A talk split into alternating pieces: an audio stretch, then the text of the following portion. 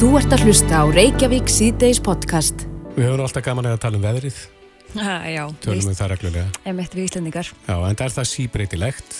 Já, og uh, nú náttúrulega fleiri, en sífælt fleiri sem tala um veðrið um allan heim uh, vegna hlínunar bara, mikill að hlínuna jarðar. Já, Og við rákust á merkilega frétt á vísi í dag um tækni sem er ætlað að hæja á hlínun jarðar með því að draga úr áhrifum sólarinnar.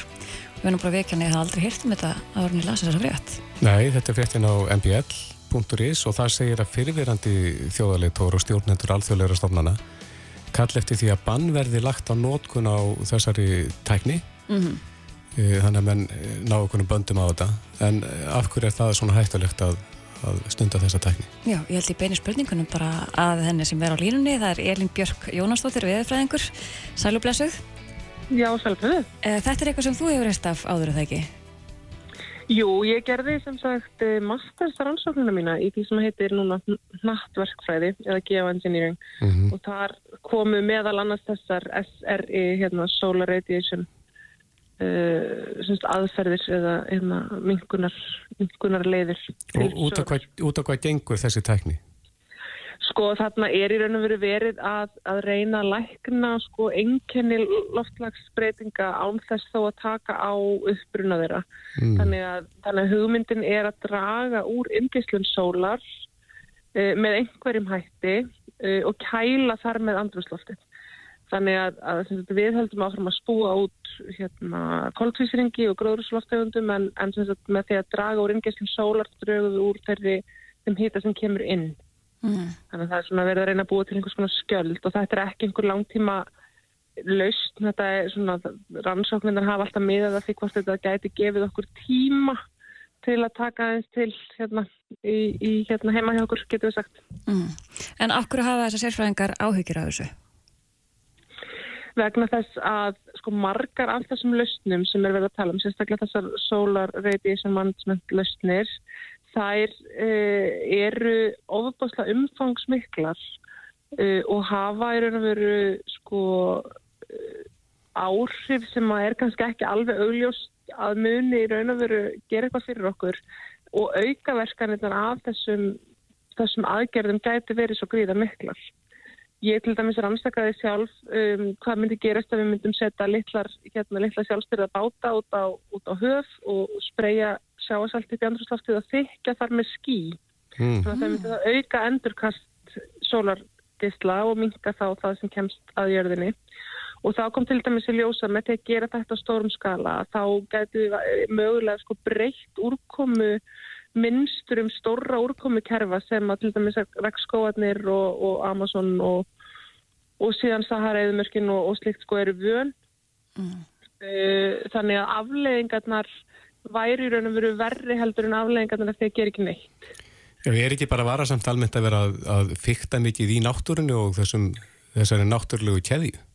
Jú, og sko það má auðvitað segja það að, að gróðrusa áhrifi af mannavöldum og loftlýsbreytingar af mannavöldum eru náttúrulega einn stór nakt verkfræði til raun og það lagar ekkert endilega eitthvað að fara að, að vinna í, í sko annars konar naktverkfræði Mm -hmm. og þessi, hérna, það er líka sko til dæmis eins og karpfixlausnin, hún er svona fellur undir hérna naktverkfræði þannig að þetta er ekki allt saman slæmt eða einhvern veginn þannig að við getum ekki vitað hverju afleðingarnar verða. En þessar svona, þe- þessi lausn sem að ég var að vinna, hún var svona tiltula saklaus, svo erum menn að tala um að skjóta sko einhverjum sulfurögnum eða, eða jafnvel einhverjum málmögnum sko lengst upp í, upp í heiðkvolf og mynda þar með svona teppi yfir jörðin og svona herma eftir stórum eldgósum Já, það er auðvitað orðið svo langvind að þú hættir því ekkit 1, 2 og 3 ef þú ert eins og búin að gera það þá hefur það bara gríðarlega áhrif sko ára ára tíu fram í tíman þannig að ef þetta fer illa, þá fer það illa mjög lengi og það er það sem að fólk eru auðvitað að reyna að koma í vekk fyrir.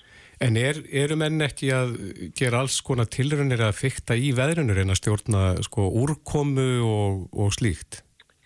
Sko það eru svona, hvað getur við sagt, þessar cloud seeding eða svona skíafræði, hérna, ekki bara tilraunir, heldur bara aðgerðir sem hefur verið farið í svolítið reglubundi, þar sem er verið að er raun og veru uh, dreifa ákveðnum efnum í skí sem eru þegar mynduð til þess að hvetja til úrkomu.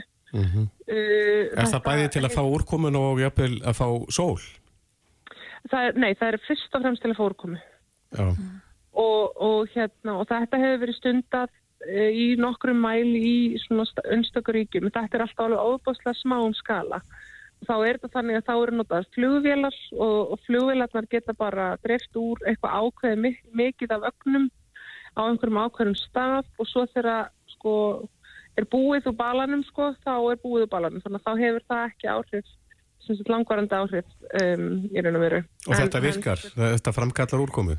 Já, það er hægt að framkalla úrkomu en það er nú áhöld um hversu sko mikið þetta virkar en það eru alltaf í gangi svona tilraunir og, og og veru fyrirtæki sem að sérhafast í, í þessu. Ég hef mest heyrtað þessu frá svona, þessum eigðumerkur ríkjum bandaríkjana þar sem að þau sko stóla algjörlega á bráðnun uh, snævar af vorin til þess að til dæmis hérna vögva agra og slíkt. Það, ég hef heist af þessu mest þar en, en aftur það eru mikil áheld um það hvort þetta gengur eða virkar yfir höfum. Mm.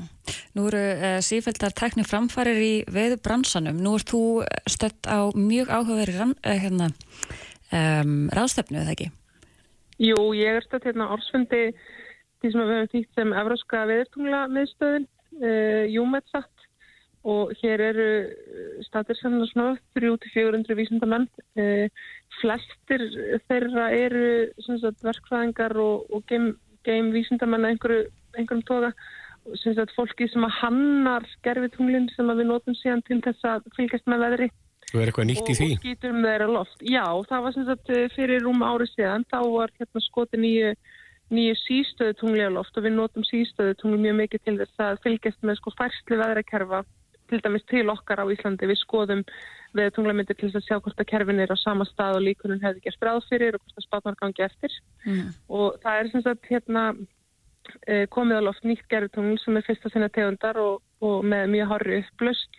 Það kallast eh, Meteosat Third Generation imager og það er verið til dæmis sagt að sjá sko raka snið úr andrumslofti með miklu betri hætti heldur en við höfum hingað til og það getur bætt sko veður líkan mjög mikið og einnig verður hægt að fylgjast með eldingum sem að þetta er mjög mikilvægt til dæmis eins og fyrir flug af því að við höfum í dag bara í raun og verið höfumtur um hver eldingar verða út frá því hvað mælanett á jörðunniðri sko sem eru á landi mm -hmm. ná, að, ná að sjá þannig að þetta fyllir inn í ákveðin gutt. Já, rétt aðeins aftur yfir það sem við vorum að ræða hérna á það með að fykta í náttúrunni Já. Uh, við vorum að ræða fellibilji hérna ekki alls fyrir löngu og uh, erum en eitthvað að skoða leiði til þess að hafa áhrif á, á þá? Draga úrstyrk þeirra eða leiða þá eitthvað stannað eða? Já, ég hef ekki heyrt af neinum slíkum tilraunum og ég sé svo sem ekki alveg hvernig það ætti að vera hægt. En sko styrkur fellibilja eikst eftir því sem að sjáarhitti eikst og sjáarhitti eikst eftir því sem að lofthitti eikst. Þannig að það má segja þessi nattræna tilrönd sem er í raun og veru verið að reyna að banna uh, og allar aðgerðir sem er verið að reyna að miða að til þess að draga úr hlínun jarðar sé í raun og veru gerð til þess að draga úr, úr mætti fellibilja líka. En mm. það er nú svona óbyggt en ég hef ekki heyrt af neinum uh, hugmyndum um hvernig nætti eiginlega vera hægt að gera það. Þetta er svo óbærslega stór kerfi. Sko. Já, Já, akkurat. Stór kerfi, flókin, flókin mál. Eh, takk uh, Elin Björk Jónastóttir fyrir að uh, fræða okkar aðeins um, um þetta og við bara býðum spennt eftir að heyra meirið sem þú kemst að það núti. Já, takk sem leiðist. Takk. Þú ert að hlusta á Reykjavík C-Days podcast.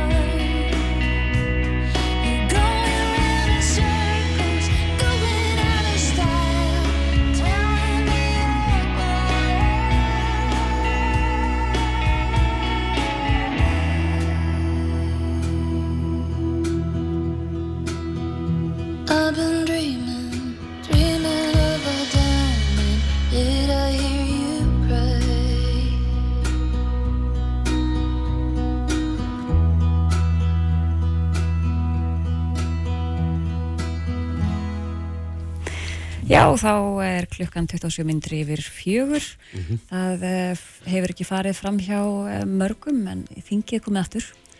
Aftur saman og eh, fjármálar á þeirra hefur kynnt fjárlögin fyrir framaldið. Þetta er svona leiðavísinin fyrir stopnarnir samfélagsins, hverju þær mega eiga. Já, akkurat, kynnt á þriðdægin og hann talaði, nú mælti fyrir uh, fröðarspunnu sinu í dag uh mhm. -huh. og uh, þegar komnar skoðanir á blað. Já, en það er spurning hvað aðeilar vinnumarkaðarins hafum þetta frumvarp að segja. Á línunni er Sigrið Margrit Ottsdóttir, frangotastjóri í samtaka Atunlífsins og Vilhjálmur Birkisson, formaður starfskvinnasambansins. Komið í sæl? Já, komið í sæl. Komið sæl á þessum fallega hösti. Mjög fallega dagur. En uh, ef við byrjum á þér, Sigga Maka, hvað segir þú um uh, fjárlaga fyrirnapi? Hefur þú náðað að kynna þér það vel? Við erum akkurat þessa stundina að rína fyrirnapi hjá samtökum aðeinlýsins. Það sem að kannski svona almennt við getum sagt er að það eru þetta jákvægt að mikil efnahagsumsvið sé að hafa jákvæð áhrif á ríkisjóð Eh, við hins vegar auðvitað hérna, okkur finnst það mjög leitt að eitt, einn af stærsti, stærstu útgjaldalegunum sé vakstakostnaður og við horfum þess að fram á það að dæmi gert heimili Íslensk með fjör, fjóra í heimili af næst ári því að borga einhverja miljón krónur, krónur í hérna, vakstakostnað á næst ári. E, þannig að það sem að kannski almennt við sjáum líka er bara umhverfið er mjög krefjandi Eh, tveir þrifju af þeim, því, því, þeirri útgjölda aukningu sem að er að koma til eru laun á velasbreytingar og það bara undirstykar mikilvægi þessa verkefni sem að við Vilhelmur erum með í fanginu. Mm -hmm. Vilhelmur, hvað segir þú? Finnst þér eitthvað vanta í, í þetta frumvarp? Já, ég held að það sé alveg ljóst að það vantar alveg heil mikið í það og það er ekkit í, í þessum fjarlögum sem að gerir það verkum að við getum verið bjassín á það að ná hér langtíma samningum miða við það sem að kemur fram í, fjöl, í, í fjárlögunum. Það er alveg, alveg ljóst. Það likur við fyrir að við erum að horfa á eh, aðkomi stjórnvalda að eh, komandi kjærasamningum ef okkur á að takast að ganga frá langtíma samningum þá verður að koma stjórnvalda að verða umtalsverð en það er ekkert í þessu fjallaga frumöndi sem gefur okkur bjassinni til að e, þau hafi higgju að e, koma að því borði. Hvað, hvað vantar þá helst allin e, til, til þess að það megi verða? Það líkur algjörlega fyrir að eins og staðan er í dag þá finna allir fyrir því barnafjölskyldur og, og aðrir hvernig allt hefur rókið hér upp í formi kostnaðar það þarf að koma verulega til móts við barnafjölskyldur í formi barnabóta það þarf að beita skattkerfinu þannig að þeir tekjulegstu og millitekjufólk fái verulega lækkun á skattbyrði sinni. Það þarf að koma hér á eðlilegum fjármálamarkaði þannig að fólk bjóðist hér sambarileg launakjör eins og gerist í þeim löndu sem við viljum bera okkur saman við og í svona harri verbulg og hái vakstastígi að verða fyrirtækin að draga úr arsemiskröfu sinni til að taka þátt í því að ná verbulgunni niður og það eru náttúrulega bara fjölmörgunar atvið. Við höfum líka til dæmis innan starfskunarsambassins haft verulegar áhyggjur af þessum gríðarlega kostnaði sem að e, okkar fólk á landsbyðinni verður fyrir þegar það er að sækja læknisþjónustuð. Þetta getur oft hlaupið á fleiru hundru þúsund krónum sem að fólk á landsbyðinni þarf að reyða út þegar að sækja læknisþjónustuð þannig að það er bara fjölmart sem að vantar inn í þetta fjárlega. Ég tek alveg undir það sem að Sigriður var að nefna á þann að Ríkisjóðu sé að greiða 111 miljardar í e, vakstakostnað á e, næsta ári er gríðaleg upp að ég minni nú að þetta sé meira heldur kostar að reka landsbytalan á ásgrundvelli þannig að það er hlutur að vera og mikilvægt að því að Sigriði nefni það að, og setti þetta í samingi við hvað, hver fjaramannafjölskytta er að greiða, þá liggur fyrir að á næsta ári þá er að skella 600 miljardar e, stapli á íslensk heimili þar sem að fólk er að fara úr e, förstum vöxtum yfir í, í e, hérna breytilega vexti sem að mun þýða bara 100% hækkun hjá fólki hvað varðar þann vakstakostnað og það er alveg ljóst að fólk mun bara ekki ráða við það. Það er ekkert tekið á þessu eða nefnt neinstæðar hvorkinni fjárlögu hvernig menn ætla að standa uh, á bakvið heimilónu þegar þessi skellur kemur. Því ég veit minna á, ég, ég hef hert fjármálar á þeirra að tala um það að uh, það sé bara aðila vinnumarkaðans að ganga frá kjærasamningum og ríkið eigi svo sem ekki að vera að skipta sér nokkuð skapan hlut af því. Geti hugsað að komið svona einhvað örlítið inn á, á síðustu stegum uh, kjærasamninga en það var líka að minna á hvað stjórnvöld gerðu hér í mótvæðisætgerðir varandi heimsfaraldus uh, koronavirunar. Þar kom ríkið inn með 450 miljardar til að styðja við aturlífið og vissulega uh, launafólk um leið. Þar voru tekjufarstyrkir, viðspilnustyrkir, veitingastyrkir, lokunastyrkir, greiðsla vegna laun í, í, í sókví, greiðsla laun á uppsagnarfristi, viðbótarlán, brúarlán, stuðníslán, greiðsluskjól. Það var bara, þá var bara veskið galopið hjá ríkisjóðið til að koma til mót við atunlífið en núna er heimilinn sem tóku gríðarlegan skell vegna COVID því að verbulgan rauk þá upp úr öllu valdi þúsundur mistu vinnuna þannig að núna þarf þurfa stjórnvöld að hugsa, hugsa máli þannig hvernig ætlum við að komast hjá því að heimilinn lendi hér í gríðarlegum vanda því ef við áttar sig ekki á því og samtök aðlýsis og líka sveitafélagin þá er ég óbúslega hrættur um það að íslensku vinnumarkaður muni loga hér allir í verkvöldum í upphafi næsta árs. Mm, Sigurður Margrét. Algjörlega eins og við heyrim og ég auðvitað veit, þá er Vilhelmur og he hann hefur verið mjög öðull baráttu mað maður fyrir sitt fólk og það hefur svo sannarlega ekki breyst eins og við heyrim.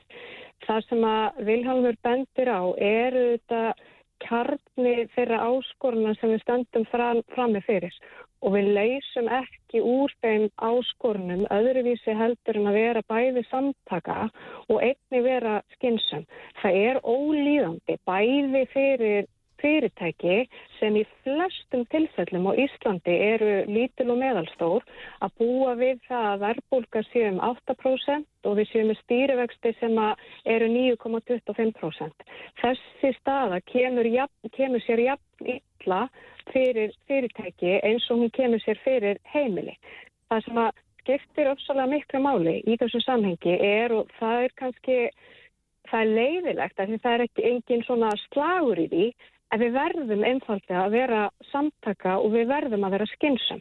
Vegna þess að ef við gerum það sama eins og við höfum alltaf gert, þá fáum við jú í bestafalli það sama eins og við höfum alltaf fengið. En hvað viljið þið þá leggja áherslu á í, í komandi kjæraverðaðum? Það sem skiptir öllu máli fyrir okkur í komandi kjæraverðaðum er að við náum skynnsamlegum samningum sem er innistæða fyrir hjá fyrirtækjum. Vegna þess að ef við gerum samninga, ef við, ef við hækkum laun umfram það sem er innistæða fyrir, þá vitum við hvaða áhrif það hefur. Og bara aðeins vegna þess að, hérna, eh, vegna þess að það var minnst á það hérna, áðan að sko, fyrirtæki fyrst fyrstu að sína ábyrg, þá er það svo sannarlega þannig að fyrirtæki á Íslandi hafa verið að gera það og það er ofsalega mikilvægt að við munum það að langstærsti hlutin af þeim verðmætum sem við sköpum á landinu eh, rennur til launafólks. Við búum við einhver bestu lífskjöri heiminum, við búum við miklu hagsald og það er hagsald í húfi og það er undir okkur, neðalannast okkur viljálmi komið að tryggja að svo verði áfram. Eh, Aðeins bara líka varðandi hérna, eh, afkomi og hagnað fyrirtækjana, þá sjáum við þetta, við sjáum þessar tölur byrtast til dæmis hjá skráðu fyrirtækjanum sem eru hérna, núna búin að skila sex mánu uppgjöri í, í kaupallinni. Þar sem við sjáum að hagnaður ef við undan skiljum fastegna fyrirtækin sem er að verða þetta upp hjá sér egnir og svo alvotek, þá er hagnaður þessara fyrirtækja, hann er að draðast saman 20% frá sama tímabili fyrra. En það er annað líka sem að Vilhelmur kom inn á sem að ég held að við getum samanast um að sé mjög mikilvægt að við tökum á og er undirlikjandi áhrifa valdur bæði í að, hérna, lífs, lífskjörum þeirra sem að hafa lægstu tekjurnar en líka í verbulgunni sem við höfum verið að sjá undanfarn ári verið að stíða og svona satt og það er húsnæðisvandi. Mm -hmm. Þessi samála því, Viljámur? Já, já ég, ég tek algjörlega undir það og það er einn af þeim punktum sem að eh, við í verkefælisrengur eru með að það þarf að tryggja hér nægt frambóð af íbúðum og sérstaklega fyrir láttekju og, og, og millitekju fólk. Ég e, sko, þegar, að, þegar að Sigurður segir að það þarf að vera innistæða fyrir þessum launahækunum, mm -hmm. þá Mhm. vil ég líka benda á það að það er bara skildar stjættafélagana að semja um þannig lífsákomi fyrir fólk að það geti framfleitt sér frá mánuði til mánar og haldi mannleiri reist. Þetta er bara frumskilda okkar. Þannig að, að e, við, e, þegar við horfum upp á kostnarhækkanir fyrirtækja með þessum hætti sem við verðum að horfa upp á, líka hjá hennu ofinbera, það er alveg sama hvert við, við, við, við vitum þetta öll bara þegar fólk fer út í búðu eða, eða leikskólagjöld og allt þetta, þetta, þetta hefur stökkbrist og síðan lánin og, og leigan og allt. Ég er algjörlega, ég er, ég er algjörlega sammála því að sko, megin markmiðið okkar í komandi kjærasamningum er hér að ná niður verbulgunni og ná niður vöxtum mjög hratt. Er ekki líkilættir að auka kaupmáttin og, verður það endilega gert með eh, einhverjum krónutöluhækunum? Nei, til, til þess að það gerist, náttúrulega það, hel- að, hangi saman ef við náum niður verbulgunni þá þýðir það að kaupmátturinn verði, verði meiri. En til þess að við náum þessu, þá verða allir að koma að borðinu. Það eru sveitafélug, það er ríki, það er verkun og þjónusta, það verða allir. Við erum með, uppskrif, við erum með uppskriftina af þessu, hvernig þetta var gert árið 2019. Þá fórum við í svo kallara lífs, eh, gerðum við eh, hérna, lífstjara samningana á sínum tíma, sem skiluðu gríðalögum ávinningi, þar náðu við, eða allavega stuðlaði kjærasamningur þá að því að stýriverkið lækkuðu mjög hratt, verðbólgan seg líka niður, uh, ríki og sveitafélag þau skuldbyttu sér til þess að hækka ekki gjaldskráru meirinn 2,5% og svona var margvíslegt inn í þeim samningi sem gerði það að verkum að ráðstöðuna tekju launafólks voru að hækka uh, ekki bara í gegnum þær launahækkanir sem við sömdum. Nei, Margrét, mér veist þú vilja komast að. Já, takk fyrir. Þetta er nefnilega svo rétt sem að Vilhelmur er að segja. Það er að segja að verðbólgan, hún dregur úr kaupmætti og hún rýrir spartnað. E, það að vextirnir séu með þeim hætti sem þeir eru, það líka dregur úr fjárfestingu og mun hækka útgjöld heimilina. Og það sem að skiptir svo miklu máli og þess að það segi, segi aftur, við þurfum að vera samtaka og við þurfum að vera skynsum. Vissulega geta aðilar vinnumarskaðarins með óraunhæfum samningum haft mikil áhrif á hagstjórnina en það er hins vegar líka þannig að ríkið getur með sínum ákvörðunum eh, haft mjög mikil áhrif bæði á rekstra grundvöld fyrirtækja og eins líka heimilana og það er eitt af því sem að hefur kannski verið einkennandi í þessari umræðu núna undarfarið að það hefur hver verið svolítið að benda á annan. Sælabankin hefur benda á vinnumarskaðin, eh, verkefnisreifingin hefur stundu verið að benda á einstaka atvinnugreinar eða einstaka fyrirtæki, atvinnulífið hefur verið að benda á ríkið og svo hafa ráþarar verið að benda á einstaka atvinnugreinar og svo hefur fyrir, þú veist, það er allir svolítið verið að, að benda á hvern annan. En það skiptir svo miklu mála, við séum ekki að leika, leita sökudólka, það er vissulega eðlulegt að við séum að leita skýringa og við séum að taka samtali, en líkil atriðið í þessu er að við verðum að vera samtaka og við verðum að vera skynsum. Rétt kannski að því að við fyrir að sigla í mark með þetta spjall, Viljarmi, verður þetta harður kjaraveitur? Er, eru menn að búa sig undir hörð átök? Ég ætla að vera alveg heiðalegu með það. Ég til bara 50-50 líkur á því að allur vinnumarkari logi hér sko stafnan á milli í lok vegi upp af í næsta ás. Þess vegna er gríðarlega mikilvægt fyrir alla aðila að átta sig á alvarleika stöðunar. Uh, okkar félagsmenn, það er gríðarleg undiralda hjá launafólki vegna þeirra miklu kostnarhækana sem fólkið hefur orðið fyrir og ekki bara það, hræðslan sem er líka hjá fólki sem er með þessa 600 miljardar í óvertröðum lánum sem er að losna á næsta og þar næsta ári þar sem að greiðslubyrðum er tvöfældast og tækið eftir. Við kannski fara úr 200.000 upp í 400.000 upp í 400.000 þannig að það eru svona rísastór verkefni sem við erum með fyrir framann okkur mm. og þess að það er mikilvægt að fólk átti sig á því hversu óbúslega alvarleg, alvarleg staðan er. Það er nefnilega akkurat þannig að hagsæld er í húfi en það er svo óbúslega mikilvægt og við, ég veit að við höfum sýnta áður, við getum það þegar áreynis þá getum við staðið saman og við getum unnið úr mjög erfiðum stöðum, stöð. Við höfum gert það margóft áður. Mm -hmm. Ég, ég bara lókun þá, þá er rosalega mikilvægt að, að það ríki tröst á milli aðeila vinnumarkaðist. Þess vegna var það rosalega skellur fyrir alla, ekki bara verkefælisefinguna heldur neytundur og alla. Þegar kemur í ljós að ríðastór fyrirtæki, þeim eru innan samtaka aðurlýsis, voru hér fyrir örfáum árum síðan að, að svína á neytundum í, í formi í, í formi þess að brjóta hér sankjöfnislu. Þetta er náttúrulega eitthvað sem er algjörlega bara með ólíkindum að, að skuli hafa geta gerst og maður bara trúði ekki þegar maður las samantekti samkjöfnis eftir þessu svo sínu tíma.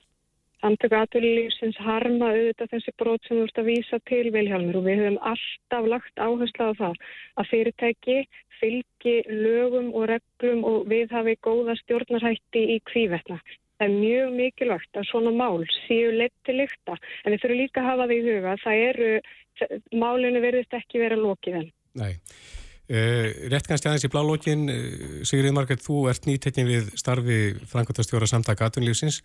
Ert svo að segja siglinni þinn fyrsta kjaravettur? Hvernig ertu stemt fyrir átökjum framöndan? Eh, ég ger mig grein fyrir því hvað, hversu mikið er í húfi. Eh, mér finnst framhúsgarandi mikil forréttindi að fá að taka þátt í þessari vinnu og ég ber alveg ofbóðslega mikla virðingu fyrir því góða starfi sem að Vilhelmur Byrkisson og hans samherjar í verkefliðsreyfingunni hafa verið að ná sem og forverar mínir hjá samtökum aðvöldlýfsins. Kjara samningarnir eru mjög mikilvægt tæki til þess að semja um uh, það með hvað hætti við getum aukið hagsælt og bætt ímsa þætti sem, snúast, að, sem eru í, hérna, í samfélagin okkar. Eitt það mikilvægasta sem að hérna, mér langar til þess að nefna það eru lífverðisjöðunar okkar sem er kerfi sem er ekki nema 50 ára gamalt, gamalt og samið um í kjærasanningum og er ein af leikil stóðunum í íslensku samfélagi í dag. Já, komist ekki lengra. Sigriði Margret Ottsdóttir, frangværtastjóri samtaka Atunlífsins og Viljámur Birgisson, formadur starfsgrunarsambansins. Kæra þakki fyrir þetta og gangi ykkur vel. Takk, takk. Takk. Reykjavík síðdeis á bylgjunni. Rafbílinn borgar sig. Skoðaðu laus eintök í vefsýningasalnum. Brynborg. Kvöldið verður þægilegt því nú fást einstakir réttir eldum rétt í Hákaup. Einstakir réttir eldum rétt. Gull léttöl kynir. Nýdönsk. Alelda í Eldborg 16. september. Og hofi 7. oktober. Auka tónleikar klukkan nýju komnir í sölu á tix.is. Nýdönsk. Alelda. Þískir dagar hjá okkur í september. Glæsilegar vörur á tilbúðsverði. Umbóðsmenn um landallt. Smit og Norrland. Sminor.is Gerum heimili klátt fyrir haustið. 30% afsláttur af völdum flísum. Bíkó. Tækifærið er núna. Bílalegu bílarnir okkar eru komnir í sölu. Komdu á Superdaga Sixt. Sjáðu sölustadi og verð á sixtbílasala.is Gerum betur með Gurri eru fræðslu og skemmtið þættir um heilsu frá ýmsum sjónarhófnum. Hvað reyfinga best? Þetta er ótrúlega einfalt. Hvað finnst þið gaman að gera? Hvað gefur þér mest? Mánudag á stöðu 2. Markvælt skemmtilegri.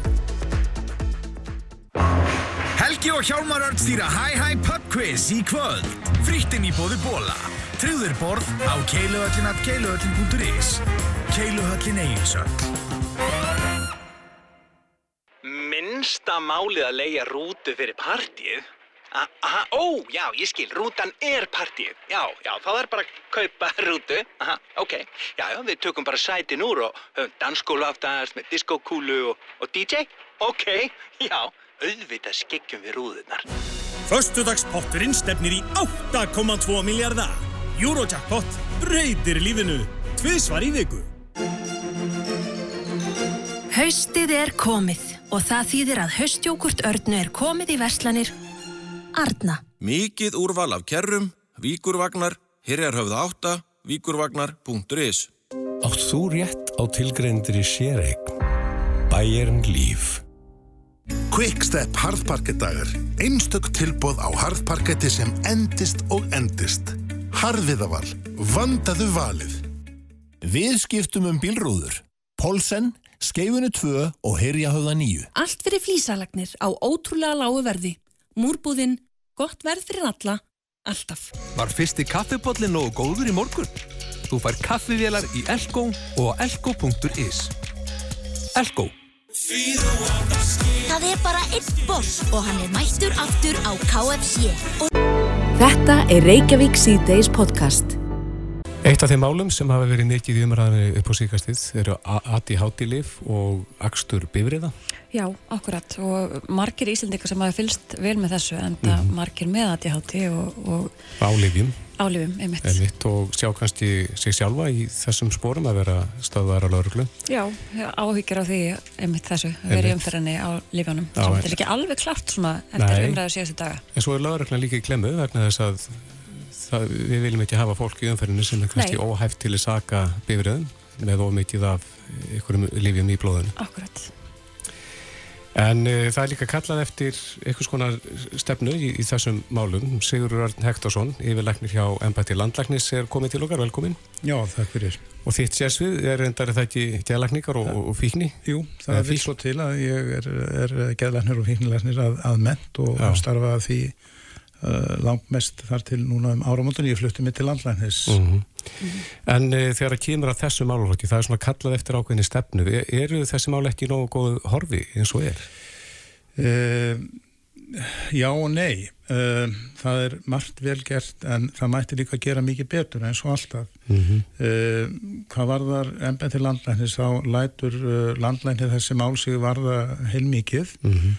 Hefur til að mynda gefið út uh, meðferðarleiðbenningar við uh, greiningu, gagvar greiningu og meðferð á ADHD alveg allar götur frá 2007-2009 líklegast Mhm. og þær hafi verið uh, endurskoðar um, tvis eða þrísvar og nýbúið að gefa út alveg nýjustu leiðbenningarnar um vinnulag og, og verklag við greiningu meðferð ADHD. Þannig að það er ákveðin stefna af hálfu landlæknis um það hvernig á að standa að greiningum að, á ADHD bæði hjá börnum og fullornum Mhm. og svo hvernig á að haga meðferðinni. Þannig að þetta er nokkuð skýra leiðbynningar sem við erum að reyna að, að eh, koma til leiðar að það sé farið eftir. Eru til ykkur að tölur yfir það hversu margir hafa greinst með ADHD og hver þróunin hefur verið undanfæri ár? Það finnst eins og að það hefur orðið eitthvað sprenging í þessu.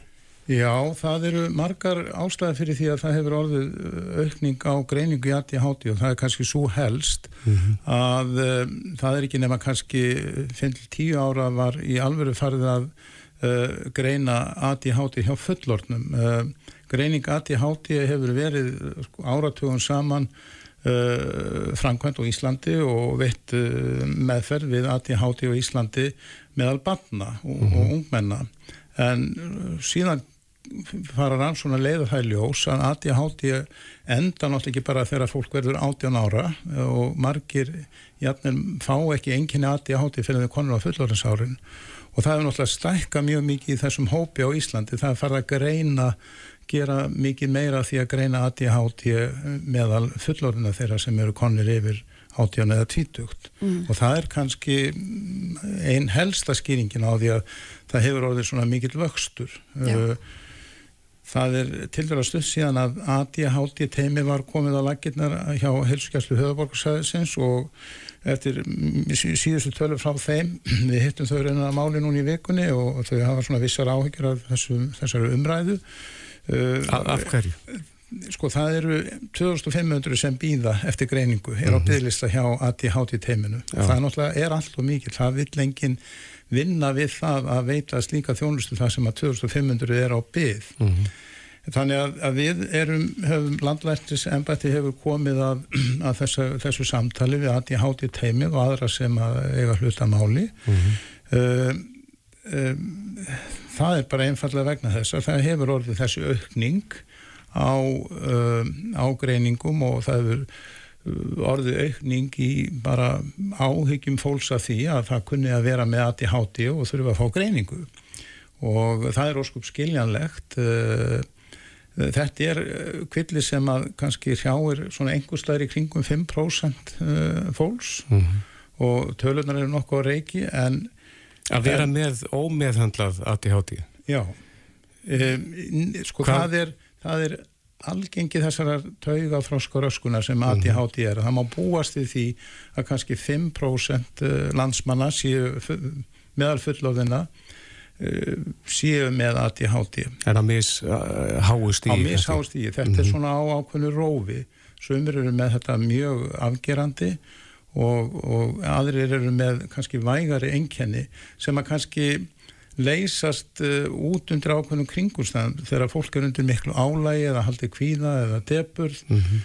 uh, þá leysast þessi ADHD enkenni kannski frekar út og, og, og, og þegar er mikil pressa á fólki eins og gerðan er á Íslandi í dag mm -hmm. að þá fer fólk að leita einhverja leiða til þess að ráða betur við sín viðfánsefni en auðvitað viljum við náttúrulega takmarka livjameðferð við ADHD við þá sem að þurfa virkilega á livjónum að halda. Það er bara oft erfitt að draga þessi mörg eins og í svo mörgu öðru. Mm. Og talar um mörg uh, þegar kemur að livja gjöf, hvernig uh, veljið þess að skamta starðina fyrir einstaklingin? Uh, það er bara eins og við gerum í læknisfræðinu uh, uh, mjög gætna. Það er svona þumalfingur regla sem er á ennsku uh, stall, low, go, slow og maður, maður byrjar á einhverjum tiltöknum svona staðalskamti og síðan er lifið aukið eftir því sem að það virkar og það er reynd að, að, að laga skamtastæðinu að þörfum hvers einstaklings upp að á,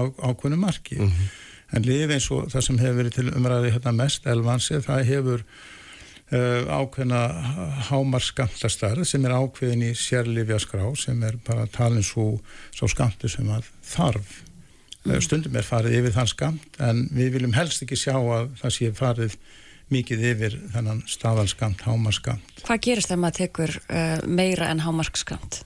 Það er breytilagt eftir einstaklingum. Við vitum það náttúrulega að það er eins og með öll að, að sumir þurfa hæri skant og sumir þurfa læri skant og mm. þetta er hlutverk lækna og annara heilbyrðistarsmanna, hjúkunarfræðinga og sálfræðinga að, að, að finna þessi mörg, hvað þarf til, hvað er hæfilegt og um, þegar að, þegar að notkunin er komin fram úr einhverjum ákveðnum sköndum þá er, er það kannski ekki síst það að þá eru lifin ekkert að gefa neitt meiri eða betri virkni í hærri sköndum. En þá kannski er spurningin svona meða við fréttir undan þarna daga eh, hefur þetta lifa áhrif á hæfni manna til að aka byrrið? Já, um, að einhverju leiti gera það það eins og öll lif sem að virka á miðtöðakerfið þau, þau hafa áhrif á hæfnina mis, í mismiklu mæli og mismunandi eftir hvaða lif eiga hlutað máli mm -hmm. Ég, ég en í þessum algengu skamtastærnum í þessum algengu skamtastærnum þá eru við kannski ekki að sjá það Nei. og rannsóknir eru ekki að leiða það í ljósa ef að fólk tekur þessi liv innan ákveðna skamt og er ekki að nota einhver önnur liv sem ekki fara saman við þessi mm -hmm. liv eða, eða önnur etni, vímuetni að, að mm -hmm. þá svona innan þessara lækningarlegu skamtamarka þá, uh, þá er áhrifin ekki íkja mikil en það sem kannski menn hafa ágjur af er að þegar fólk er komið yfir þessa hámaskamta eða er að nota ómikið af þessum lifjum sem er viss hætta, viss áhætta eins og með svo mörglif sem virka á miðtöðkerfi að fólki hætti til að fara í herriskamta til að fá meiri áhrif mm -hmm. Og, og það á náttúrulega sérstaklega við þá sem eiga kannski við einhvers konar uh, fíkni vanda að stríða þeir sækja í herriskamta Þannig að þá er fólk verið að misnóta lifið Já, það er, viss, það er vissulega hætt á því og það er hlutverklækna að standa vörðum það að fara ekki yfir mhm. skamtastærðirnar og að landlæknir hefur uh, ítt undir það að Og kannski að komast að því hvort að fólk sé þá að misnóta lifin með e, blóðpröfum?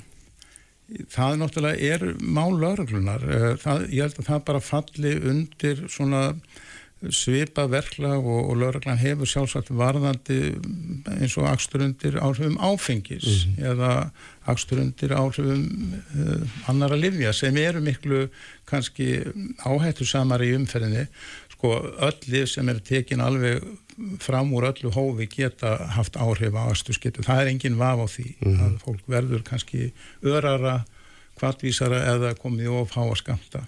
Sko eins og þessi ADH-lif þau virka þannig að þeir sem að þurfa á þeim að halda eru með þessa taugaþróskaraskun að þeir yfirleitt, það hægir á þeim. Það, þeir, fólk róast, fólk einbeti sér betur. þannig virka þessi lif En og verður verður fólk örara þá? í umferðinni Já, en ef að fólk fer yfir skamta þá Já. verður það örara vantilega. Já, þá, þá er hægt á því að fólk Já. verður örara og, og geti kannski valdið einhverju sjálfu sér að tjóni í umferðinni Mm. en, en þetta ávið svo mörgunulið, það eru önnulið sem að við kannski höfum ekki síður og kannski meiri áhyggjur af og það eru ópjóiðalifin, morfínlifin og svo róandi lifin og svefnlifin. Mm.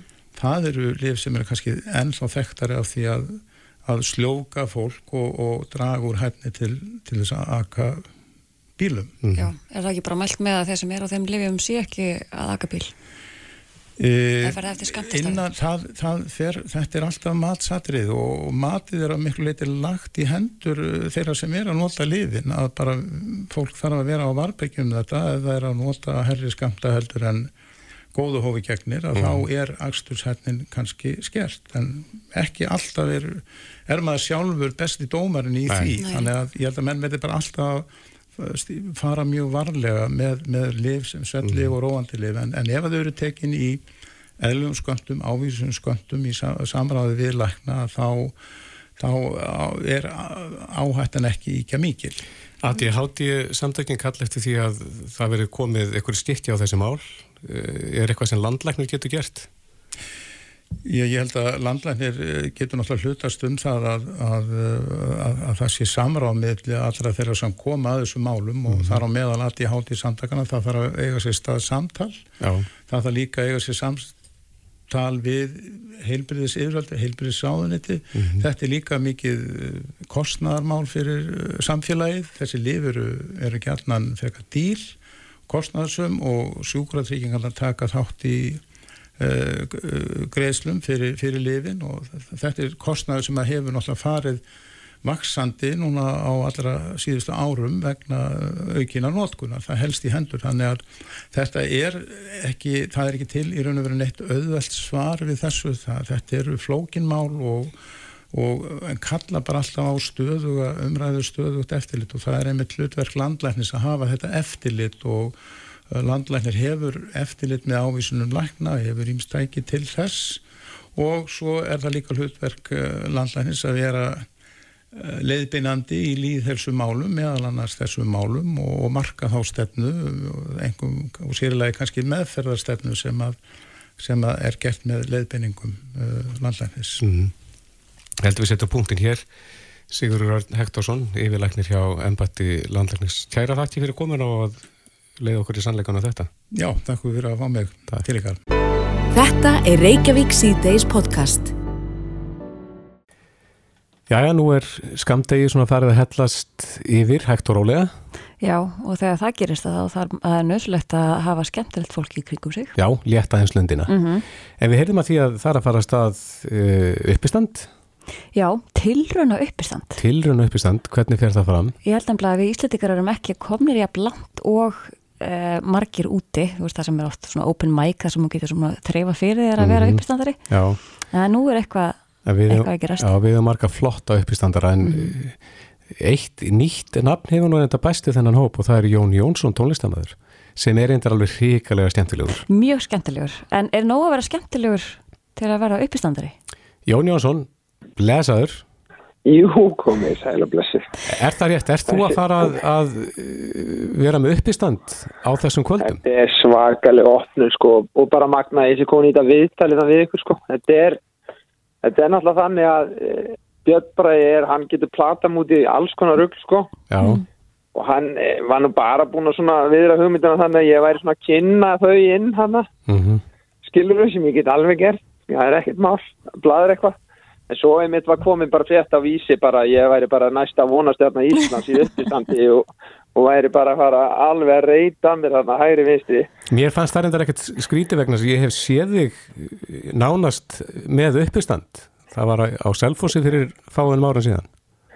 Og þá, á hvað var þá um að vera? Var Þá varstu, nei, þá varstu á Nei. ferðalagi Já, með einhverjum ég banka. man eftir, já, já, já, þegar ég var með Arjón með hérna, fjármálafyrirlestunum fyrir krakkana. Já, það var mjög skemmtilegt.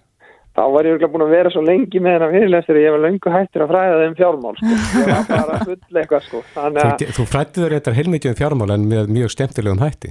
Já, já, já. Ég kannski bara, já, fyrsta riki að þessum fyrirleistu, tek hann þá bara í kvöld. Já, en hvað ert að fara að gera? Ég, sko, ég er bara, mér finnst þið spyrjið, sko. Ég er bara hérna út í bílskur núna að reyna að ákvæða hvað ég ætla að gera, sko. Ég veit ekki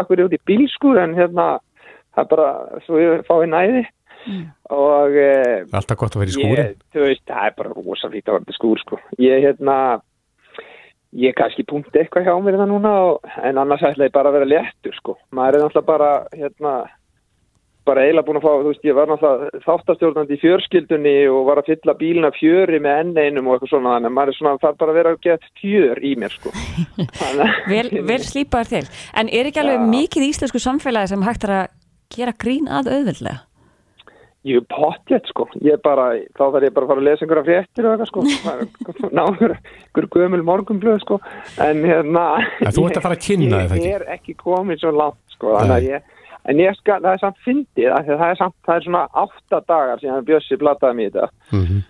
og þá kveikir maður samt á einhverju svona, þá fyrir, eða þetta er fyndið, mm. sem að þess, þetta fólk sem búið svona lengi í þessu er alltaf að gera sko, alltaf svona Hérna, og er að láta fólk senda sér bara eitthvað fyndið líku við sko. Mhm. þannig að þetta er full vinna þegar hausin er komin á sko, og það er að vera opið fyrir hverju sem er sko.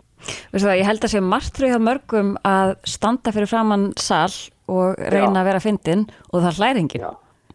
Já, guð, það myndi ég alltaf líka en þá, þú veist þá þarfstu bara að spóla nokkur ára aftur í tíman þegar fólk sem er fyrir framann tölvuna að lesa upp brandara á COVID-tímanum. Akkurat.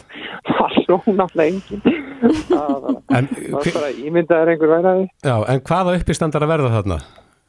Sko í kvöld er það Björn Bræði, Saga Garðars, Jóhann Alfreð og Dóri Dina Mm og þetta er svona tilröndakvöld í kvöld, þú veist það sem allt er voða lús á því og þú veist þau eru jafnvel bara með blöð og eitthvað svona en svo er verðaði í kvöld bara, nei í kvöld, í vetur þá verðaði alveg hérna með svona sjó þar sem að líka Ari Eldjárn er á listanum og Anna Svafa og, og hann Jakob þannig að þú veist þetta er svona uh, ég held að vera eitthvað svona rótering í gangi sko Já, Bara- þannig að fólk veit kannski ekki endilega þegar það kemur hverju verða.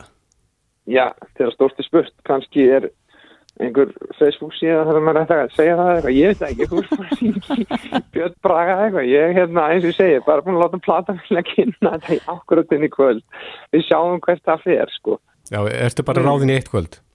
Nei, nei, ég ætla að standa mig vel og fá hérna fastráningu. Já, en verður þú með gítari Já. með þér? Ég hugsi að vera með hann bara upp á sko svona öryggi sko af því að ég er alltaf með hann veist, ég get bladrað endast á sviði ef ég held á gítar sko Já, er hann svona eins og skjöldur? Já, síðan ef það það hlæðir enginn þá get ég farið í næsta lag Akkurat. En, en getur að geta hérna, allir mætt, þú veist bara hver sem er eða Sko það, í, í kvöld er uppselt sko en hitt er bara í sölu á tigg sko Mm Ha. hvar, hvar er uppistandi? Er þetta í grósku? Já, þetta heitir Sigur Salurinn, hann er í grósku Sigursalurinn. Já. Já, Já, skemmlegt, ég laka til vetrarins með ykkur er það ekki? Það er ekki að Mhm. mæta oft bara Við verðum ekki spurning. Og sérstaklega ef þetta verður rótirandi þá, þá er maður aldrei að fá það. sama pakkan. Já, Já. en við viti samt aldrei, það verður að kemur alltaf óvart, skilur. Já, en vonandi verður bara sami kynir og við fáum alveg stóran skant af þér Wow, mm. wow.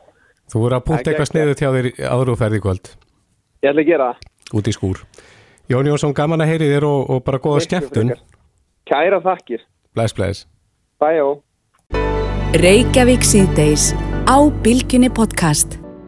Reykjavík sýtið seldur áfram, út er komið stísla um tröst í íslensku samfélagi Mhm. og þau eru komið til okkar Skúli Bræði Gerdal, verkefnistjóri miðlalæsis hjá fjölminna nefnd Velkomin og unnur Freyja Víðistóttir, sérfræðingur í miðlalæsi hjá sömu nefnd. Velkomin. Takk. Já, þessi stísla, eh, um hvað snýst hún? Herðu, í uh, þessi skýrsla segir í raun og veru frá niðurstöðum úr könnun sem við gerðum þar sem við vorum að kortleggja tröst, miðlanótkun og þáttöku í líðræðis, líðræðislegri umræðu. Um, á Norðurlöndunum ríkir einstaklega mikið tröst í alþjóðlegum samburði uh, bæði til sko stopnana og í samfélaginu og, og manna á milli. Uh, þetta mikla tröst hefur oft verið nefnt í norræna gull um, vegna þess að útreikningar hafa sínt að sagt, auki félagslegt tröst getur aukið hagvöxt Mhm. og að samanskapi getur minkað félagslegt tröst, minkað hagvöxt og bara því miður að þá sína niðurstöðunar úr þessari könnun uh, að margt sem hann spurtur út í er að þróast í ranga átt Hérna á er Íslandi. minka. eins og í hverju helst til að mynda, ef við skoðum hérna uh, tröst til domstóla stjórnvalda og fjölmiðla að þá var aðeins þriðjungur aðspurðra sem að sögðust bera annarkvort fremur mikið eða mikið tröst til þeirra. Uh, þetta er svipað hlutfall og þeir sem sögðust bera annarkvort fremur mikið eða mikið tröst til ókunnugsfólks Já. sem setur þetta svolítið í samhengi að, að hérna, almenningur verist bera, bera sagt, jafn mikið tröst til stjórnvalda, dómstala og fjölmjöla eins og það ber til ókunnugsfólks. Erum við með samabyrða tölur? Er, er þessa tölur á leiðinni niður? Já, það sem að það eru, eru svona kannski einhverju leiti svipaðar og, og það sem við höfum verið að sjá í okkar rannsóknum, við höfum bara ekkert mikið rannsóknum sko aftur í tíman, mm -hmm. þannig erum við nefndar líka að setja fjölmjöla undir einn hatt þegar við erum að spurja og við, að bera að hafa það alveg í huga að fjölmjölar eru margir og mismunandi. Eh, en við spurjum nefndar þarna líka hvort að fjölmjölar séu óháðir uh, svona hagsmunatengslum í þessari rannsókn líka, þannig að við, þá brjótu við niður eftir mismunandi miðlum og, og þá sér maður svona ymmið stæmum það kannski ymmið mismunandi tröst í garð mismunandi fjölmjöla Mm. Og taldu um fjölmjöla uh, í nýjastöðunum ykkar, þá kemur meðlans fram að helmingur Íslendika heldur sér upplistum án þess að fylgjast með fréttum. Ja, þetta var alveg niðurstaðan sem að stakk mann alveg hvað mest þegar við vorum að fara yfir þetta að helmingur sé komin á þennan stað og þetta er aukning frá því 2021 og hvar er fólk þá að leita sér að þessum upplýsingum? Það er að við sjáum, það er alltaf þessi aukning samfélagsmiðlar að taka meir og meira plás mm -hmm. þeir eru konið bara næsta eftir fréttamöðlum á netinu þar sem við erum að leita okkur upplýsinga og við erum þar farin að hlusta á áhrifavalda sem eru samfarandi, við erum farin að hlusta bara annað fólk uh, og erum farin að færa okkur frá því að hlusta á fréttir og, og fjölmiðla og maður eru líka séð í umræðinni bylgjur af fólki sem að vilja losna við neikvæðinni, finnst fjölmiðlar og fréttir neikvæðar og, og ég vil bara fá frí og pásu frá þessu öllu saman. Mm -hmm. Það er mikið að flóða af upplýsingum á netinu og, og maður finnur svolítið að við erum að verða svolítið þreytt á því að reyna alltaf að syndi í því þannig að þá fyrir við að lesa stittri fréttir, meira fyrirsagnir og höldum okkur upplýstum, já ekki á mjög djúpum grunni. Og jafnvel sko fyrirsagnir uh, hjá fólki sem er að deila frétt og deila svo sinni skoðun og þannig er mitt verða oft umræður sem fara bara á villigötur. Já, við sjáum bara mjög gott dæmi um þetta núna í samfélaginu í umræðinu um hérna, samtökið 78 þar sem við sjáum bara svona brot af umræðinu einhvern veginn vera tekið úr samhengi og því er deilt og bætt og alls konar gildistómum og, og skoðunum fólks og, og það fyrir algjör úr böndunum og, og verður að einhverju upplýsinga óreiðu sem við sjáum svo orsakast að því að við erum fann að sjá mótmæli fyrir utan alþykishúsið og mm -hmm. það er í raunaldi að tala um þetta séu fyrstu mótmæli sem byggja á upplýsinga óreiðu sem við erum fann að sjá hér. En er þetta aflegging þess að það eru svo miklar upplýsingar? Er fólk bara orðið þreytt? Ég held að það, það fara, það fara að loka á þetta upplýsingaflæði. Ég held að við getum ekki, ekki lokað á það. Þetta er, sko, netið er hafsjór af upplýsingum mm. og við hefum erfitt með að fóta okkur þar. Svo eru við farin að horfa á nýjar spár þar sem að, næstu tveim árum verður bara 90% öllu efni eh, á netinu, gerðugreindarinn efni, þannig að við erum farin að sjá risa flóðbylgju aukalega koma og skóla land alls konar auka ruggli og falsfrittum mm. og, og upplýsinga óreðu. Þannig þurfum við held ég að fara að horfa í það ef við ætlum ekki að drukni þessari flóðbylgju við þurfum að fara að finna okkur staði sem við treystum, mm. örugar heimildir, við þurfum að fara að skoða það að fjölmjöra landinu vinna eftir ákveðinu síðareglum með faglega vinnubröð fjölmjölar, tröstir fjölmjölar þeir eru björgunabáturinn okkar í þessu, í þessu flóði sem að, mm. þessu upplýsingaflóði En önur, þínu mati uh, hver er hættan ef að fólk hættar að fylgjast með réttum? Já, hver er hættan? Sko, hún er margvísleg. Það er eins og við töluðum hérna áðan er að sko við förum frekar að leita í vafasamari miðla eftir upplýsingum og áreiðanlegri heimildum mm. missum þar kannski svolítið heildarmyndina, fáum upplýsingar sem eru byggðar bara á hérna, einhliða skoðun ykkur annars. Þannig að algoritmin í rauninni velur það sem að við Já, það er upplýsingar já, sem við innbyrjum. því meira sem við fyrum að, klikka, því meira fer hérna, algoritmin að íta að okkur einhliða skoðunum og við festumst inn í þessum ákveðna bergmálshelli þar sem að mm -hmm. Uh, allir eru sammála mér og, uh, og missum þá svolítið hildar myndin eins og ég segi. og við getum sko út frá þessu farið að, að hérna, byggja okkur skoðun eða mynda okkur skoðun á öðru fólki og mál, málefnum sem að byggja ekki áneinum áriðanlegum heimildum og mögulega raungum upplýsingum og það eh, er ekki, búður ekki gott. Það ber líka að hafa það í huga sko að rángar upplýsingar eru mjög mismunandi. Það er ekki alltaf þannig að allt sem er sett fram sé svona vísvitandi ránt sett fram. Mm. Við hefum það til líka að refsa fjölmjölu mjög harkalega ef það kemur eitthvað smá ránt, einhver smá mannleg mistök. Þetta er oft uh, óvart sem þetta kemur fram. Við getum öll gert mistök og, og það þarf ekki að þýða það að við hérna, hættum að, að treysta þó að það komi. Þetta er mikil greinamunur á því að setja upplýsingar fram vísitandi rámt til að hafa áhrif og svo óvart. Mm. En er ekki oft þegar maður missir tröst að þá er maður svolítið langan tíma að vinna það aftur upp? Jú, það er þannig og, og, og það er e, þessin, það er mikið undir, það er mikið í húfi þar sem tröst er mikið, sérstaklega eins og unnu talaðum hérna á Norrlöndunum, mm. það er bara rosalega miklu að tapa, hér tristum við okkur, við setjum börnun okkur í barnavagnin úti og tristum fólki almennt séð. Mm -hmm. e, en þegar við missum þetta tröst á domstólum þá fyrir við að vilja dæma fólk e, án laga á netinu, þegar við missum tröst á fjölmjölum og stjórnvöldum þá tökum við málinu okkar hendur, ég er rittar í réttlætisins á netinu, ég þarf að segja ykkur hvernig sannleikurinn er uh, og við förum svona að grípa, grípa þetta svolítið svona í, í eigin hendur mm. og, og það er þetta ekki gott. Samsæðiskenningar koma þá í kjölfarið hjá einhverjum hópum? Já, það, hluti af þessu voru samsæðiskenningar, þessari skýslu, mm. við sáum samsæðiskenningar eins og þriðjungur sem trúir á djúbríkið,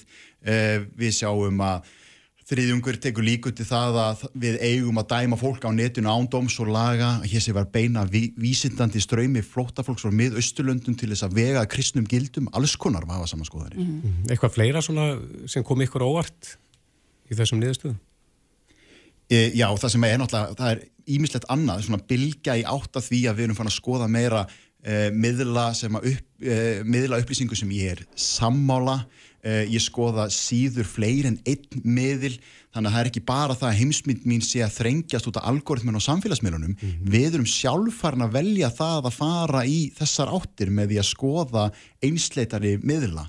Og það hefur þetta áhrif á skoðanir okkar uh, þegar við erum ekki með þessa víðu heimsmynd, við erum að gleima því að það séu fleiri en það er alltaf að lámarki tvær hliðar á hverju máli og við eigum að vera ósamála og megum vera ósamála Rétt aðeins í stuttumáli í örfáðum sekundum -hmm hvað getum við gert með þessa niðurstöður? Hvernig getum við unni með niðurstöður þessara skýslu? Ég held að við ættum að taka þetta til okkar, vinna með það að reyna að auka tröst á fjölmjölum í landinu og minna okkur á það að skoða málinn út frá fleirin einu vingli, á fleirin einu fréttamili, frá fleirin einu fréttamanni. Skoða málinn, vika svolítið sjóndeldarhingin okkar. Láta þetta minna okkur á það að við getum tekið valdið á okkar eigin fréttanislu.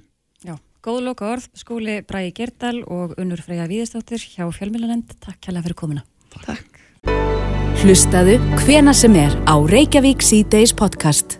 Við tilt okkur hér niður á, á bekk í góðum umhverfi hér í alla á dalum en, en e, leiðum hugan sem snöggvast að því þegar við berjum augum ströyman og stefnuna í elli álum en, en e, frettir herma og, og það að sönnu að, að eh, margar ár hafa orðið fyrir innrás eldisfisks og eh, er þetta nú held ég kannski fyrst og fremst ættað frá vestfjörðum, sjókví eldið er þar bísnaða blugt orðið og, og átnar, það eru sumar af þessum perlum ám sem að veiði menn eh, sko sjá raukt þegar heyra þessu þegar að eldisfiskurinn er að, er að blandast uh, uh, þessum alvörulagsi sem, sem að við höfum verið að fiska í, í gegnum tíðina.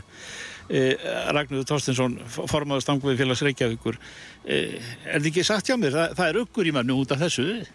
Jú, ekki bara uggur í, í veiðumunum þetta er í, þetta er í bara náttúru vendin Þetta eru hérna, þeir sem elskar náttúruna, þeir eru líka aukandi. Líka getur við talað um alla bændurna sem eiga eh, eigni sínar undir þarna í, í þessum ám sem hugsanlega eh, hætt, verða þannig að, að þær verða að menga þeirra eldislegs og enginn vil koma veiða vegna þess að þeirra tekjur eru úr á, ánum af, af veiðumönum, jú sannarlega, en ekki bara heldur eru líka störf þarna sem eru, þú veist, það eru, það eru börnin þeirra er að vinna í veiðihúsunum, leiðsugumenn er að hérna, leiðsegja um árnar, þannig að þetta er miklu meira undir heldur en bara veiðimenn. Þetta er bara, þetta er eiginlega bara, þetta er umhverfi slís sem er þannig. Nú þegar að uh, sjókvíeld kom til sögunar, einhverjum að þá, þá var þetta nú oft tíundað og, og menn bennir um að gjalda varhug við þessu öllu saman þegar þetta þróaðist.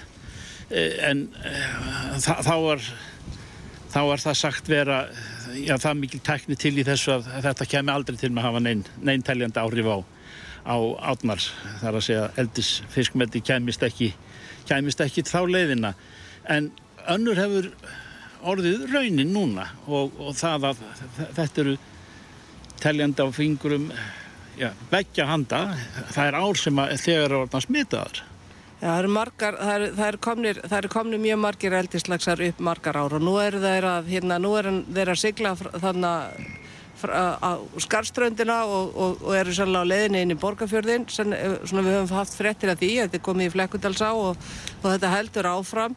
Eh, sko, þetta, þetta náttúrulega hófst með látum þetta sjókvíældi. Það var engin, eh, það var ekki búið að setja neinar Uh, stjórnsýslan brást í þessu. Það voru engar reglur. Það var engin, það var engin að spekulera í þessu vegna þess að þeir, þeir, þeir bara notuðu ekki hlustuðu ekki á aðvar, aðvarinir annara Mm.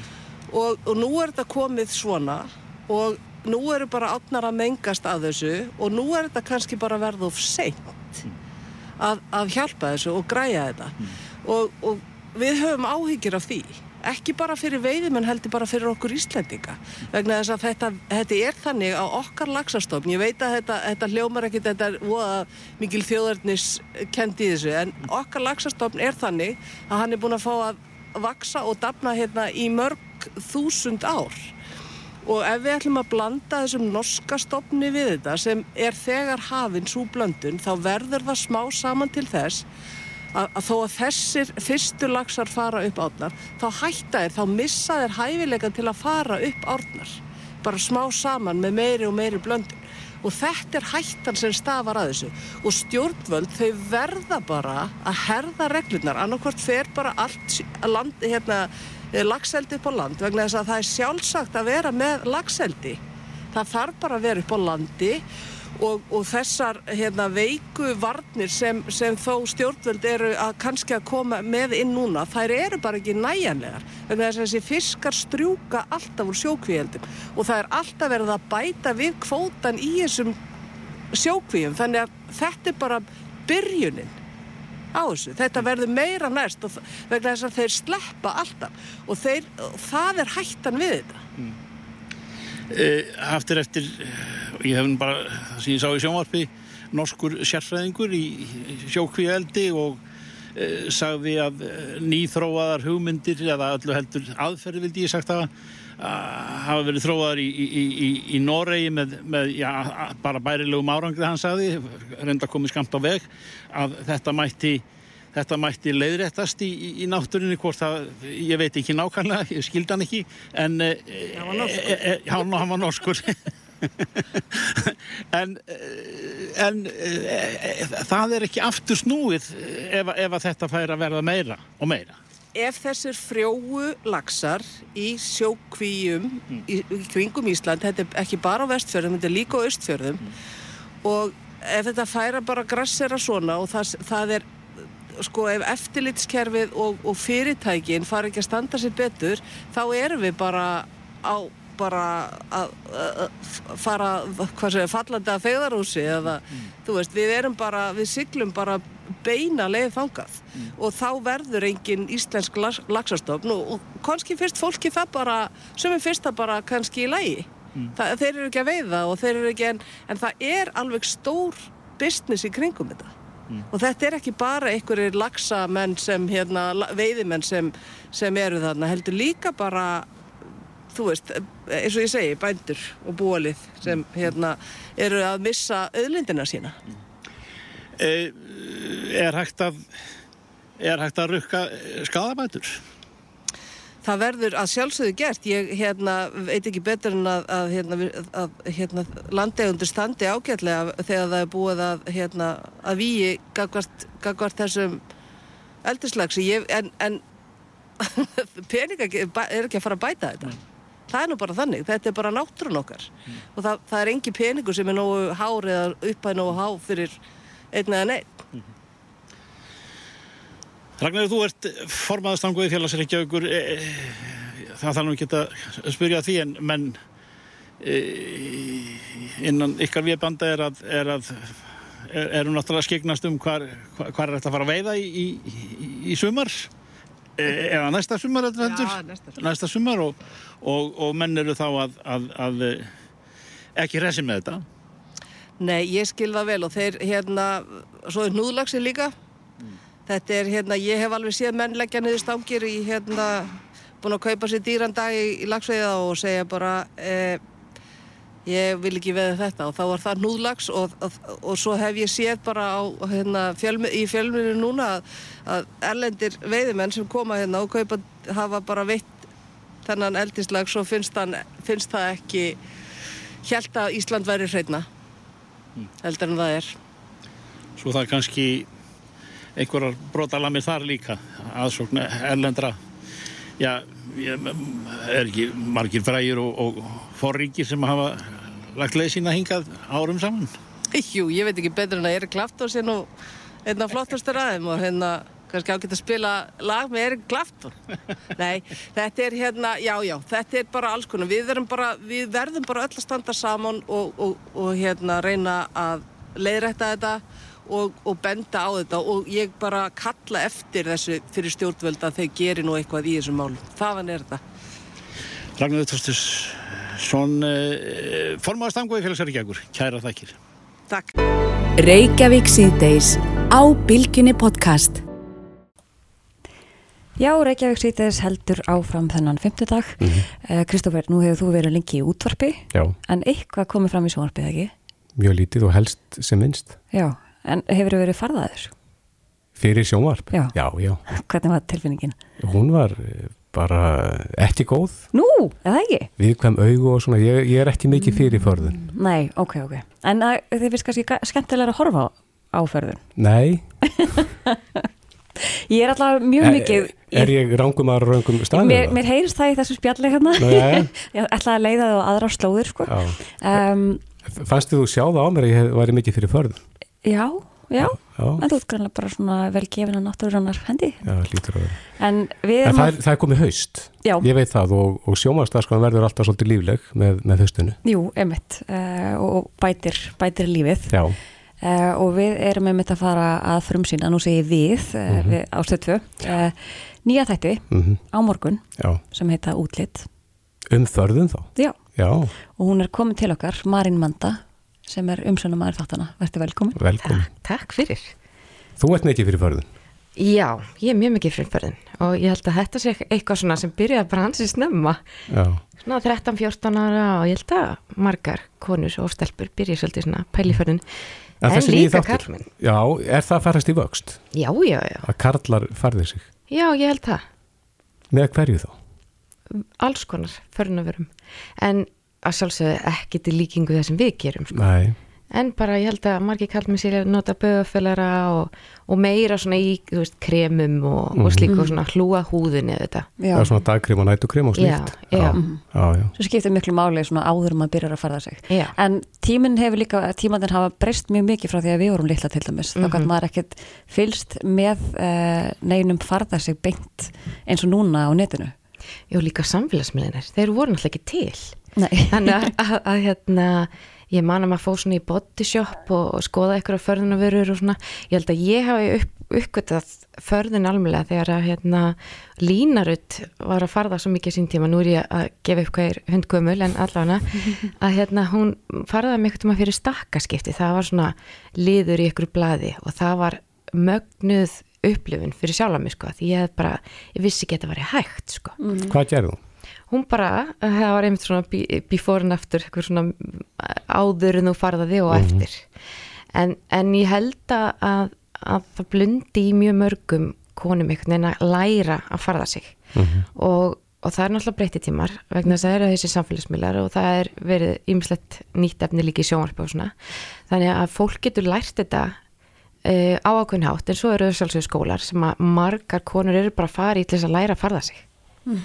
Í þáttunum þínum, uh, getur maður lært af þeim?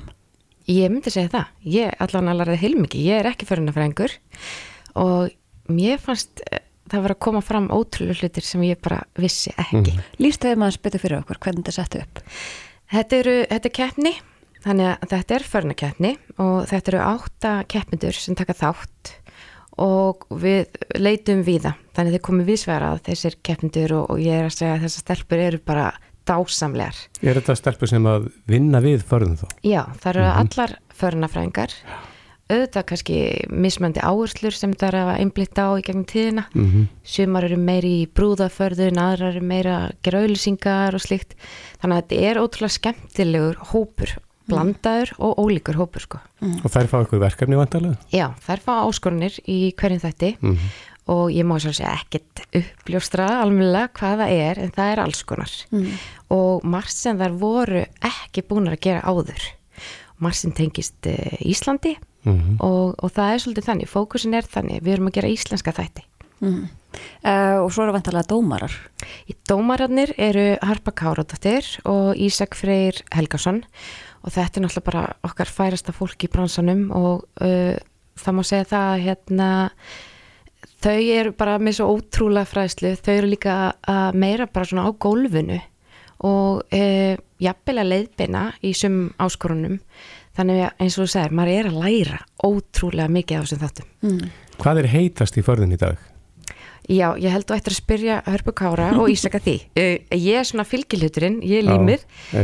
Uh, ég held að fókusin sé kannski meira út í að svona náttúrulega í dag. Og, en þessi keppni er svo ekki endilega þannig, hún er bara alls konar. Þetta er vantarlega þannig að þú veist, þetta er ekki bara vennuleg förðun, þetta er svona meira út í listaverk líka. Förðun er náttúrulega list. Og, og margi líta á förðun sem bara svona ákveðna listrana tjáningu þar sem þú bara ert að farða sjálfaði bara til þess að komast í eitthvað són og slaka á og slíkt. Og það er einmitt það sem við erum að reyna að gera með þessum þáttum er að taka þessa förnafræðinga svolítið fram á sjónarsviðið að því að, að við þurfum förðun í allt. Það er, þú veist, við þurfum förnafræðinga í síningar, sjónvarp, leik, sjónvarp leikhús, auðlýsingar og ég get endalist haldið áfram. En þetta er fólki sem er bakutöldin Mm. við sjáum þau sjaldan og, og við sjáum sjaldan hvernig þetta er gert hvernig þetta fer fram og þarna er verið að sína það mm. En þú sagðir- Já, en þú sagðir að keppmyndirnir eru stelpur. Þetta er Va- allt stelpur. Vantar stráka í, í förðun? Já, ég held það það, það var svolítið, það var erfiðara að fá strákana með sko Var leitað eftir þeim? Já, algjörlega Og þeir hafa bara ekki fundist? Þe, það fundist nokkrir mm. uh, hendaði kannski ekki alveg á þessum tíma Nei. en vonandi hérna bara einhver tíman kannski Já, bara næstu seríu. Já, kannski Ef ykkur áhuga samar er að hlusta núna og veit breyta sig. Uh, en er keft til veluna? Það er það. Velun eru máskonar en, en um, það eru peningavelun en svo eru að sjálfsög rosaflottu bara pakki af vörum og förnavörum og hárvörum og slíkt. En ég held kannski aðalega að uh, kannski velunum sé svo að fá að taka þátt í svona verkefni, fá bara viðkenninguna og fá svolítið að svona bara að láta ljósi sín, skína og bara sjá hvað þú, þess að sína öðrum hvað þú getur gert Mhm. og af því að einmitt mikið af þessum förunarfræðingum eru kannski ekkit endilega búin að vera mikið í sviðsljósi Mhm. og þannig að þetta er bara vonandi mjög gott tækifæri Gott líka að hafa þetta fyrstu degi, þá getur maður uh, hort og mála sig með og farið svo Já, út á lífið. Já, og svo er þetta líka þátturinn fyrir bara alla fjölskyldina Mhm. og eins og þú sagðir að þú kannski horfir ekki mikið af förðun, ég skal lofa þér, þetta verður skemmtun sko. Mm. Og munu áhundur læra eitthvað triks Já, ég held það. já, sem að fólk getur þá nýtt sér? Já, algjörlega. Mm. Svolítið svona eins og masterclass. Það er alveg svona pínu masterclass fílingur á, í sumum áskorunum Mhm. þannig að, að og líka bara svona hvernig vörur, hvernig pensil og, og það er nefnilega það er alveg flóki sko þú Mhm. þarft að leiða út komið rétta pensilin þá breytist förðunin Akkurat, ég get bara vátta fyrir það að ég er búin að nota málingaverur mjög, mjög lengi en ég er engunar. Já. það er kannski að horfa vel Já. á þetta. Hvenar, eh, klukkan hvað eru þið síndir? Þeir eru síndir sérst á föstaskvöldum held ég bara beint eftir fréttum Mhm. klukkan 18.55 Og heita útlitt. heita útlitt og ég bara hveti ykkur dreigið til þess að fylgjast með ég held að þetta verði bara, hann sé svona fræðandi og skemmtlegt sko Og fyrst ég þáttar á morgun. hann er á morgun, Já. Mari Manda, gaman að sjá þig. Kæra þætti fyrir komuna. takk hella fyrir að hafa mig Reykjavík síðdeis á Bilginni podcast